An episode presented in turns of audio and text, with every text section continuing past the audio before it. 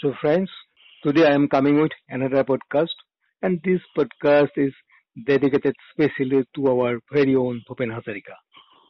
Today we have with us Parvati Menon, renowned filmmaker and she was alumni of Film and Television Institute of India. Madam Menon, may I request you? Good afternoon to all my friends in Assam and to Mr. Utpal Dutt for inviting me for this little talk on our great friend Dr. Bhupen Hazarika, the doyen of musicians and music in India. Now, let me, uh, a lot of information definitely about him will be available on Google and so on, so I will not go into that area at all. I would like to share a few thoughts of my meeting him and how I came to know him. And I was fortunate enough to know him right from 1972 till about uh, 2004 or 5 when it was the last time I met him in Bombay. Now let me go in a very linear way. I first came to know Bhupenda personally, as we used to call him, from the uh, film fraternity in 1972, immediately after I had joined the Children's Film Society India in Bombay. Of course, I had heard about him in our institute where I had studied. Incidentally, I was the first lady student to have specialized in script writing and advanced direction from the renowned Film and Television Institute of India at Pune. Indeed, our first meeting was pretty unique. I was in my production office at Sri Sound Studios Dadar in Mumbai. Our main office was then in Hingorani House, Worli.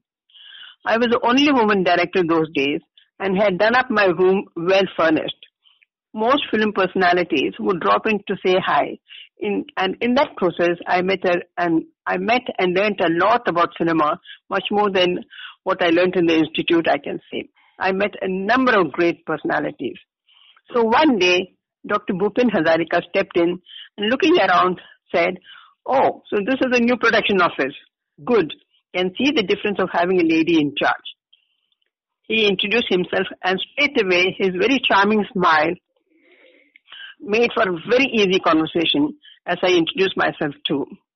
He sat across the table instead of the extra sofa I kept in my room for the visitors, which was meant, you know, purely for guests so that they don't feel uh, uncomfortable sitting on the chair on my across my table. So when he sat on the chair, I had to come and sit on my table, and so we had the, uh, you know, we were sitting across each other and having a chat. My standard style was then always a well-starched cotton handloom sari with a just a black bead neck, uh, necklace with a huge Ganesh pendant. I normally used to design my own pendant. You know, I mean, it was kind of a brand that I had created for myself. Bhupenda straight away remarked, that's a beautiful Ganesh on your neck. And then he expressed his own interest in jewelry designing and said, of course, Ganesh's place is around Parvati. And then he showed me his ring. It was a solid gold big square with a beautiful Om and Trishul uh, designed on it. He said it was his own work. It made conversation so easy and on uh, such a variety of topics and interests. Let me say in short, we became good friends over a huge variety of conversational topics. Then I asked him about his black cap adorned with a silver kukri and he said that is the innate culture of India which was so well embellished with aesthetics that there is hardly any country with such a rich tradition in variety as in our own. He said even a cap and a little uh, pendant on it stands out as somebody's personality and their brand. He was always meticulously dressed in his um, Assamese silk kurta uh, and uh, churidar and uh, achkan and uh, his, uh, you know waistcoat and the cap and so on and so forth. He had he was an outstanding personality. I was then preparing to go to my Worli office and he said he will go with me as he had some work there. So we went in my official car and during that brief time of traveling together, say about a half an hour, we exchanged ideas on so many general topics that Bhupenda even highlighted the similarities between Assam and Kerala, which happens to be my home state. And he said, like, uh, for instance, he said, you see, your two-piece, that gold set, mundu for is so like our own two-piece mekhela chador. And then he said, we both like fish and rice and so many other things. You know, it made like, you know, we knew, we had known each other for a long time. You know, and he had been, he had visited Kerala many times, I guess, and shared his experiences too. Thereafter, we met whenever he was in Bombay. whenever he, he was free, he would say, Parboti, I'm here in Bombay. so I always had the uh, time to arrange to meet him, and then we would always have a long chat the, over a cup of coffee or a chai or whichever. I had also started then special children's junior film clubs on the lines of our own then existing film societies. He liked the idea. I had also encouraged the idea of demystifying cinema to children by holding a number of workshops. Dada liked it so much and he said, you must have them in Guwahati. And later on, of course, I did have, and he was there too. In, in due course, Dr. Bhupen uh, Hazarika steadily climbed the music charts in Hindi cinema too. So he would visit Mumbai very frequently. Whenever possible, I made it a point to call on him during his recording. More so that I could see a music maestro of a very high order at work. He was a perfectionist. Even the legendary Lata Mangeshkar was all ears when he explained, I had observed. Being a lyricist and a singer, he was a complete musician and his specialty and inspiration was the ancient folk tunes. He had told me once that his mother was a good singer and was his first teacher. Right from childhood, he was fascinated with the music and by the age of 13, he had recorded his first song, he told me. Most humbly, he would recall each and every one of his mentors right from his early age.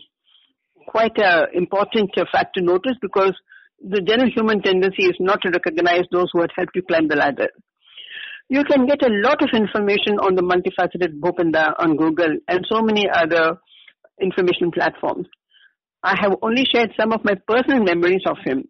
It was because of his personal interest I could hold a number of workshops in Guwahati for children where we taught animation and film appreciation. Indeed, he attended one or two himself and boosted up the enthusiasm of the children. I wish we had done lots more, but you see various uh, constraints were there, so we did hold about four or five of them. I had taught extensively in Assam for some of my other projects and also in Kaziranga Wildlife Sanctuary too. Whenever I went to Assam, I would flaunt I knew Dr. Bhupen Hazarika and it was then an instant open door for me everywhere. It was absolutely marvelous how people there admired him, they idolized him. I greatly admired him for his very strict stand as an executive committee member of a CFSI, as he would not take any assignment as it was not the done thing, he said. So unlike the general trend where people try to, you know, agendize things to themselves. Dr. Bhupen Hazarika, I last met in 2004, 5 or some, somewhere like that in Mumbai. He was recording a song at one of the studios and uh, Lataji was saying, I think Lataji was there uh, with him, with a couple of other uh, singers too. Bhupendra remains the only person in the history of India to have been awarded posthumously the Padma Bhushan and the Bharat Ratna, which shows his unequal stature as a great artist. In 1992, when he won the Dada Saheb Phalke Award, when he came to our office for a meeting, I remember he generously, he generously ordered for a treat for all of us. Most humbly, he said, there are great people, greater people than me who deserve this honor. I am lucky. God is great. Yes, that was Dr. Bhupen Hazarika, a thorough gentleman who absolutely idolized everybody who had helped him to climb such high orders and became an inspiration himself for so many of us and for the future.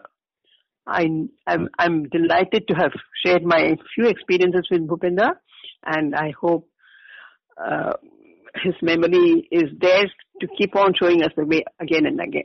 Uh, thank you, Mr. Upaldar, for giving this information. Thank you.